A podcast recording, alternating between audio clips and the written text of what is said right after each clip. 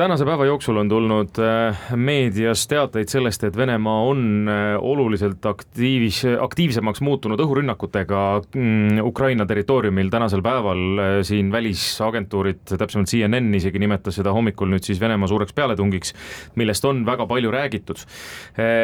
kas ja milline see olukord kohapeal on, Eesti suursaadik Ukrainas Kaimo Kuusk on meil telefonil, tere päevast! tere päevast! Äh, ja hommikul Kiievis olime, meil oli saatkonnas Tiit Pruuli külas, äh, teeb lugu oma ajakirja jaoks ja sel hetkel hakkasid äh, õhusireenid üürgama ja, ja raketid siis üle Ukraina lendama. öösel oli droone, need olid pigem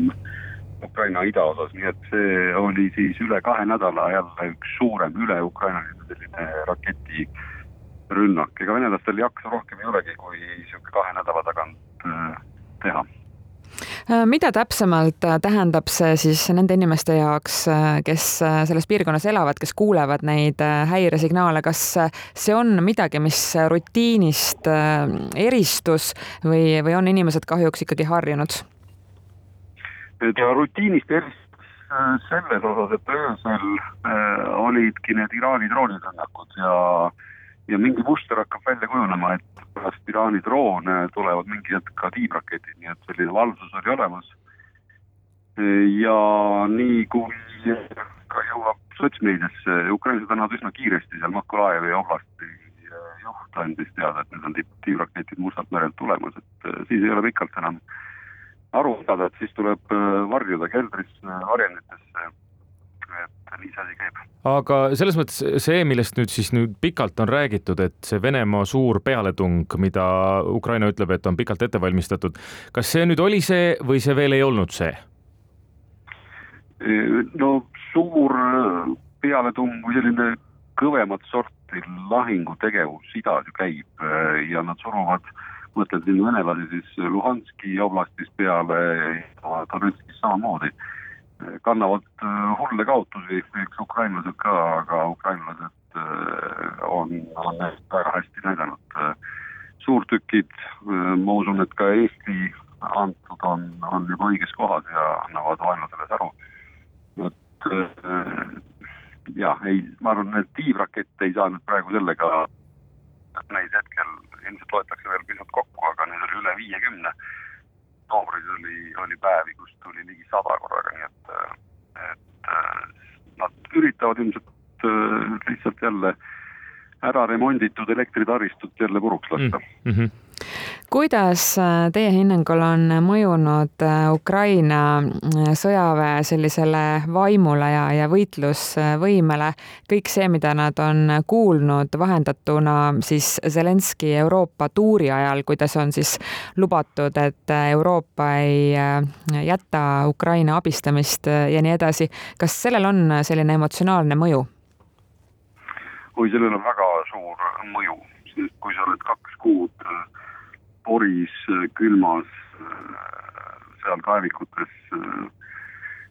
pealetungivate venelastega sõdinud, istunud sulgki tule all, siis, siis selline toetus,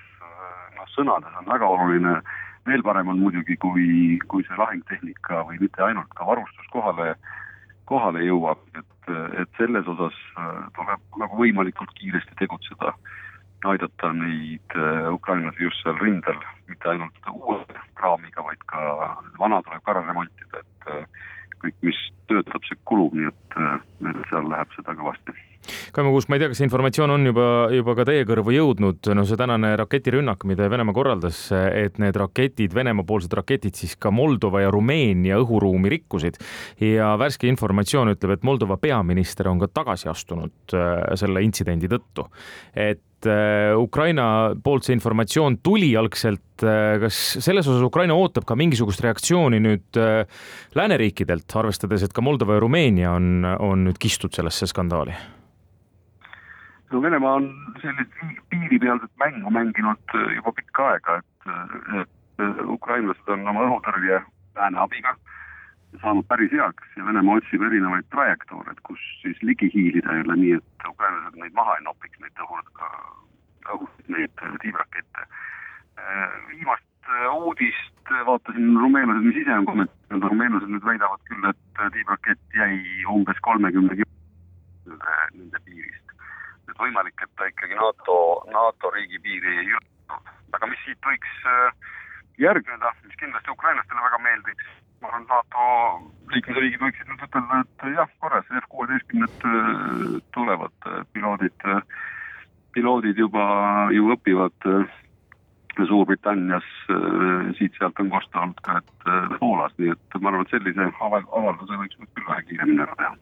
igal juhul teinegi uudis, mis täna on tulnud, on see, et Venemaa president Vladimir Putin teatas, et kahekümne esimesel veebruaril esineb ta siis suure kõnega, aastakõnega. ehk et see, mida Ukraina on ikkagi rääkinud sellest suurpealetungist, ilmselt seda me nüüd siin lähiajal siiski näha saame, aga nagu ma kuulen ja aru saan, Ukraina on valmis. Ukraina on selgelt valmis, toimetavad väga hästi ja noh, diktaator võib ju, võib ju rääkida, aga, aga pikalt ta seda enam teha saab, Haag, Haagis kohus ootab teda varsti. Kaimo Kuusk, aitäh meiega vestlemast ja, ja igal juhul turvalist päeva sinna Ukrainasse